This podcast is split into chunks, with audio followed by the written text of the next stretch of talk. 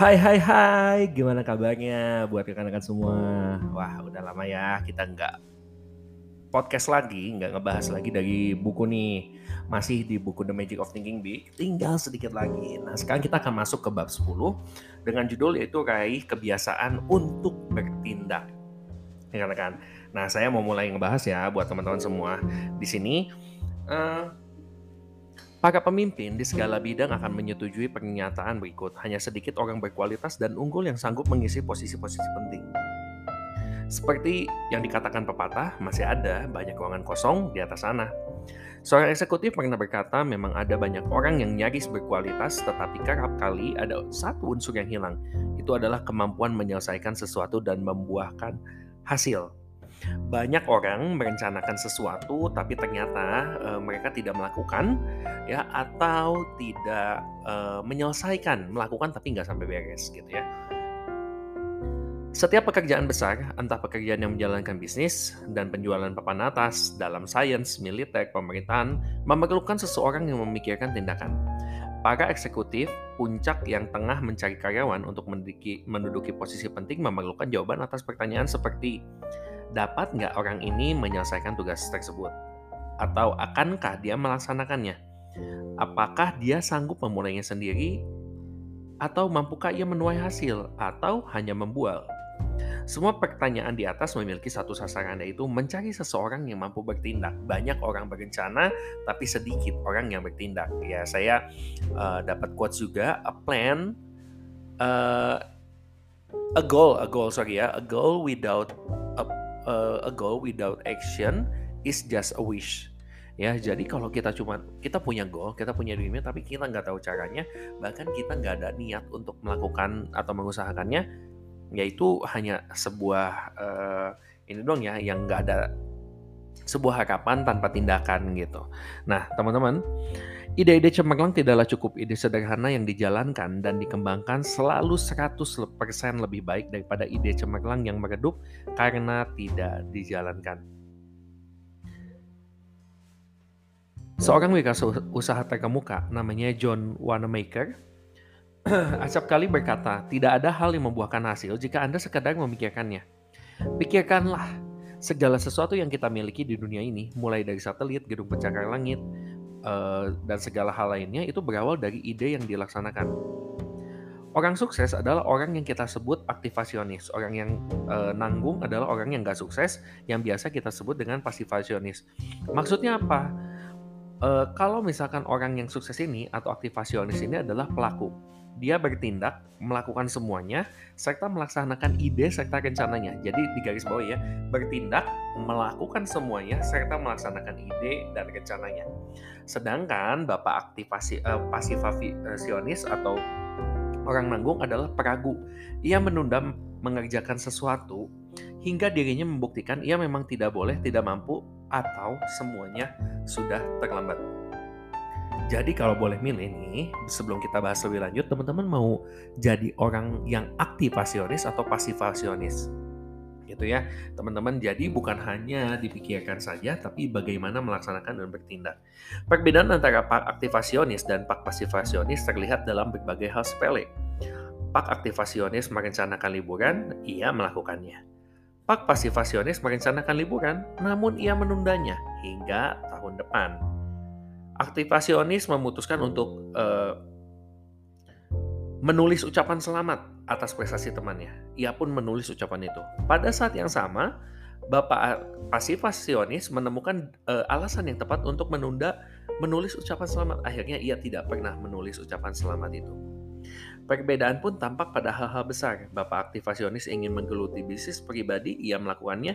Pak pasivasionis sebenarnya ingin juga menggeluti bisnis pribadi, tapi ia menemukan alasan yang dalam tanda kutip bagus, tepat pada waktunya, sehingga ia tidak jadi melakukannya. Ya. Nah, perbedaan antara Bapak aktivasionis dan Bapak pasivasionis tampak dalam segala bentuk perilaku. Bapak aktivasionis melaksanakan segala sesuatu sesuai keinginannya, sehingga ia memperoleh rasa percaya diri, perasaan aman, kemandirian, dan penghasilan yang lebih besar. Sebaliknya, harapan Bapak pasivasionis tidak terpenuhi. Karena ia bertindak, eh sorry karena ia tidak bertindak akibatnya ia kehilangan kepercayaan diri tidak sanggup mandiri dan hidup dalam keterbatasan kuncinya bapak aktivasionis melakukannya bapak pasifasionis akan melakukannya tetapi batal semua orang ingin menjadi aktivasionis. Mari kita raih kebiasaan kita, kita untuk bertindak sesuai dengan judul di bab 10 ini. Banyak bapak pasifasionis yang terjerumus karena sebelum bertindak mereka bersikeras. Nah, siapa nih yang suka ya? Ini boleh di highlight nih. Sebelum bertindak, mereka bersikeras menanti hingga segalanya 100% menguntungkan bagi mereka. Kesempurnaan memang didambakan. Sekali lagi ya, banyak pasifasionis yang terjerumus karena sebelum bertindak mereka bersikeras menanti hingga segalanya 100% menguntungkan bagi mereka. Kesempurnaan memang didambakan. Namun tidak ada rancangan manusia itu yang benar-benar sempurna. Jadi pasifasionis harus menunggu selama-lamanya jika mereka ingin menemukan situasi yang sempurna. Berikut adalah tiga contoh kasus yang menampilkan cara tiga orang bereaksi terhadap keadaan. Ya, teman-teman, ini ada tiga contoh kasus yang menampilkan uh, cara orang bereaksi. Yang pertama, kasus nomor satu adalah alasan Bapak GN uh, eh, belum menikah. Ya, di, sini uh, kurang lebih. Jadi dia ini adalah orang yang sangat uh, memilih. Namun setiap jadi dia itu uh, ingin menginginkan gitu ya untuk menikah. Namun setiap kali nyari nikah, dia menemukan ada saja masalah dengan gadis yang menjadi calon istrinya. Gitu. Jadi dia uh, ingin menuntut gitu ya bahwa uh, istrinya tuh harus seperti ini, harus seperti itu. Bahkan ya memang di sini sedikit luar biasa, dia uh, menuliskan gitu ya term and conditionnya, syarat dan ketentuan yang harus disetujui oleh calon istrinya sebelum mereka menikah. Siapa yang mau ya kalau kayak gini ya? Nah, kenapa? Karena sebenarnya ini daftar kebiasaan khusus yang dia ingin dari istrinya tuh di, dihilangkan atau misalkan perilaku-perilaku yang harus dimunculkan hati-hati itu penting. Tapi jangan sampai Anda kelewat hati-hati. Bukan hanya ketika merencanakan pernikahan, melainkan juga saat merencanakan apa pun. Kenapa? Karena nggak mungkin ada seseorang yang sempurna gitu. Makanya kita kan e, kalau menikah belajar menerima ya, menerima satu dengan yang lain gitu untuk sama-sama bertumbuh, sama-sama growing. Bukan kita menuntut untuk wah lu harus kayak gini sempurna karena belum tentu kita juga menjadi seseorang yang sempurna. Nah, di sini orang-orang yang seperti ini terhadap pernikahan sangat mirip caranya uh, menghadapi pekerjaan dalam membangun hubungan sama orang lain. Ujian menjadi orang sukses bukan hanya kemampuan menghapus semua masalah sebelum masalah itu muncul, melainkan menghadapi dan mengatasi kesulitan ketika kesulitan itu datang. Kita harus mampu membuat kompromi cerdas supaya tidak perlu menanti lama untuk bertindak. Gitu ya. Jadi nggak usah nunggu-nunggu. Ya udahlah nanti nunggu nunggu ketemu yang uh, tepat atau yang gimana gitu ya. Nah, uh, yang ketemu yang benar-benar sempurna, yang benar-benar klop banget gitu. Nah itu teman-teman kita juga harus uh, ada pepatah mengatakan ya jodoh nggak ke mana tapi ya tetap harus dicari gitu ya teman-teman.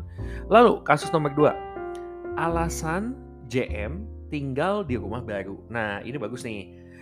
Eh, dalam mengambil keputusan besar, pikiran Anda selalu berkecamuk antara bertindak atau tidak, melakukan atau tidak. Benar gak sih?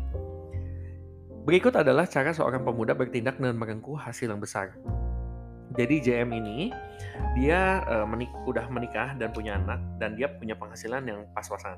Mereka tinggal di apartemen kecil, keduanya menginginkan rumah yang baru. Mereka menginginkan lingkungan yang lebih besar, tempat anak-anak mereka bermain, dan kesempatan investasi dalam rumah yang mereka huni. Namun ada rintangan yang menghadang langkah mereka, masalah uang muka gitu ya. Jadi mereka nggak punya uh, uang muka gitu ya. Bahkan uh, untuk cicilannya aja nggak sanggup. Ketika dia bilang ke istrinya, bagaimana kalau kita membeli rumah baru minggu depan, istrinya merespon, apakah kau serius? Mengapa kau bercanda? Kau tahu kita sanggup tak sanggup membeli rumah. Bahkan kita pun tak memiliki uang untuk membayar angsuran. Namun James sudah bertekad bulat. Ada ratusan ribu pasangan seperti kita yang berniat membeli rumah baru, tapi hanya separuh dari mereka yang sukses melakukannya. Ada saja yang menghalangi langkah mereka.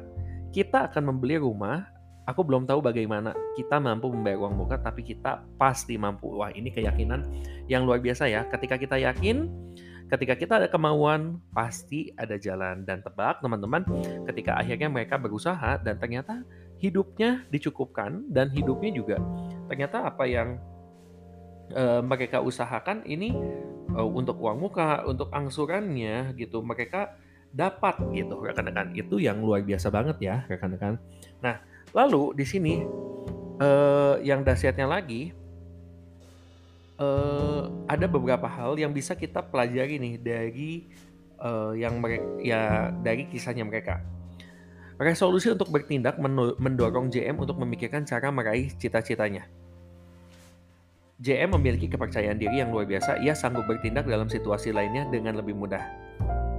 JM menyediakan taraf hidup yang lebih baik bagi istri dan anaknya. Jika JM menunggu dan menunda membeli rumah hingga keadaan membaik, kemungkinan mereka tak akan pernah membeli rumah. Gitu ya. Nah, di sini rekan-rekan banyak banget orang yang uh, ketika ingin melakukan sesuatu mereka menunggu benar-benar keadaannya 100%. Tapi kenyataannya nggak pernah akan ada uh, momen yang benar-benar 100% tepat gitu ya. Nah, tapi kita harus mengusahakannya gitu. Jadi, teman-teman, uh, ada dua hal yang harus kita lakukan untuk menghindari kesalahan fatal, yaitu menunggu hingga keadaan sempurna. Sebelum Anda bertindak, yang pertama, harapkan adanya rintangan dan kesulitan di masa depan. Setiap upaya menghadirkan resiko, masalah, dan ketidakpastian. Andai Anda ingin mengemudi mobil nih dari Bandung misalkan ke Pangandaran, tetapi bersikeras ingin menanti hingga yakin uh, nanti nunggu jalan tol gitu ya, atau nggak ada jalan memutar, atau misalkan nggak ada gangguan mesin, cuaca buruk, pengemudi lain yang ngaco gitu dan resiko lainnya. Kapan kita akan memulai perjalanan tersebut? Jawabannya nggak akan pernah memulainya.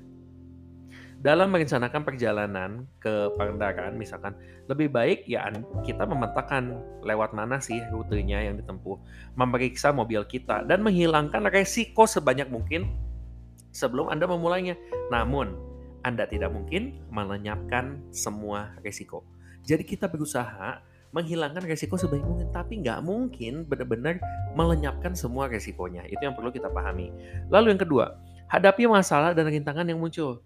Ujian bagi orang sukses bukanlah kemampuannya menghilangkan semua masalah sebelum bertindak, melainkan kemampuannya menemukan solusi atas kesulitan yang dihadapi. Dalam bisnis, pernikahan, dan aktivitas, aktivitas lainnya, hadapilah masalah bila mana Anda menemuinya. Gitu. Jadi di sini teman-teman uh, ide itu penting. Jangan salah memahaminya. Kita harus memiliki banyak ide yang menciptakan untuk menciptakan dan meningkatkan apa pun. Seorang tanpa ide ya akan jauh dari kesuksesan ya. Jadi istilahnya tadi kemampuan kita berimprovisasi ketika kita yang nomor dua tadi ya hadapi masalah adalah kita nggak mungkin nunggu ya udah sampai nanti nggak ada masalah. Enggak gitu tapi ketika kita menjalani hidup menjalani apa yang kita kerjakan entah bisnis entah aktivitas lainnya itu sering kali ada masa-masa yang muncul dan gimana respon kita untuk menghadapi bukan untuk berhenti tapi menghadapi untuk masalah-masalah tersebut gitu ya kemampuan untuk fleksibel. Nah di sini dibahas teman-teman bahwa uh, Ketika kita punya ide untuk melakukan sesuatu, bisnis dan lainnya, jangan salah memahaminya sekali lagi. Kita harus memiliki banyak ide untuk menciptakan dan meningkatkan apa pun. Seseorang pribadi tanpa ide akan jauh dari kesuksesan. Namun jangan salah memahami pula hal berikut. Ide saja belum cukup. Ide untuk meraih lebih banyak bisnis atau menyederhanakan prosedur kerja itu adalah ide yang harus dilaksanakan. Contohnya tadi ya, setiap hari ribuan orang mengubur ide mereka karena mereka takut menindaklanjuti ide-ide itu. Setelah itu, bayangan ide-ide tersebut datang kembali dan mengusik benak mereka, akhirnya mereka jadi menyesal. Letakkan dua cara berpikir berikut dalam benak Anda. Pertama, berikan nilai pada ide Anda untuk dengan cara melaksanakannya. Jadi kasih nilai dengan cara Anda melaksanakannya. Kendati ide itu sangat cemerlang, tapi ide itu nggak akan menghasilkan apa pun kalau kita nggak melakukan sesuatu. Kedua, tindak lanjuti ide-ide Anda dan dapatkan ketenangan batin. Seseorang pernah berkata bahwa perkataan terburuk dari lidah atau tulisan adalah andai saja. Setiap hari kita mendengar perkataan seperti andai aja saya menggeluti bisnis ini dari dulu, kini saya pasti udah mapan. Atau saya sudah menduga, menduga hasilnya akan seperti ini. Andai aja kalau dulu saya berbuat sesuatu. Sebuah ide jika tidak di, tidak ditindaklanjuti atau e, akan menorehkan luka psikologis yang dalam. Jangan sampai menyesal teman-teman. Namun jika tidak ditindaklanjuti, jadi maksudnya kalau si ide itu ditindaklanjuti, itu uh, sebuah ide cemerlang akan memuaskan mental Anda. Anda memiliki ide cemerlang, lakukan sesuatu untuk mewujudkannya. Terapkan tindakan untuk mengikis ketakutan dan memperoleh kepercayaan diri. Berikut adalah hal yang harus Anda ingat. Tindakan akan memantik dan memperkuat kepercayaan diri. Sementara itu, menunda tindakan akan memantik ketakutan. Untuk melawan ketakutan, bertindaklah. Untuk meningkatkan ketakutan, tunggu, ulur waktu, dan tunda. Saya pernah mendengar ucapan ini bagus nih. Se eh, seorang instruktur terjun payung yang masih muda. Melompat itu sama sekali tidak mengerikan saat penantiannya itulah yang membuat banyak orang jadi takut. Gitu. Kenapa? Karena jadi ketika lo e, bisa langsung loncat orang nggak akan takut, tapi ketika orang nunggu nunggu akhirnya dia ber, e, banyak pikiran-pikiran bermain dengan pikiran sendiri, dia uh, mikir yang aneh-aneh, itulah yang ngebuat mereka akhirnya takut. Jadi ketika orang, wah nanti gimana ya, ini kalau gini gimana ya? Alih-alih mendapat kepercayaan diri, orang yang makin lama menunda itu akan semakin takut gitu. Dia akan membuat semakin gugup. Contohnya, misalkan orang yang demam panggung, satu-satunya obat demam panggung adalah bertindak. Tampil di depan peserta adalah pengobat rasa takut dan khawatir. Tindakan akan mengalahkan yang namanya ketakutan. Gitu. Ya, teman-teman. Jadi, cara memerangi jenis ketakutan apa pun adalah bertindak. Anda takut menelepon orang-orang, teleponlah dan ketakutan Anda pun akan sirna. Jika menunda-nunda, Anda akan merasa semakin sulit menelepon. Anda takut memeriksakan diri ke dokter, pergilah ke dokter dan khawatiran Anda pun akan lenyap. Anda takut berdiskusi dengan uh, mentor Anda, dengan atasan Anda, lakukan saja. Dan kekhawatiran itu akan lenyap. Anda takut memprospek orang, lakukanlah. Sehingga kekhawatiran itu juga akan lenyap. Bangun kepercayaan diri Anda dan hancurkan ketakutan melalui tindakan Anda. Dan kalimat tersebut menjadi penutup kita di podcast hari ini. Sampai jumpa di podcast berikutnya. See you!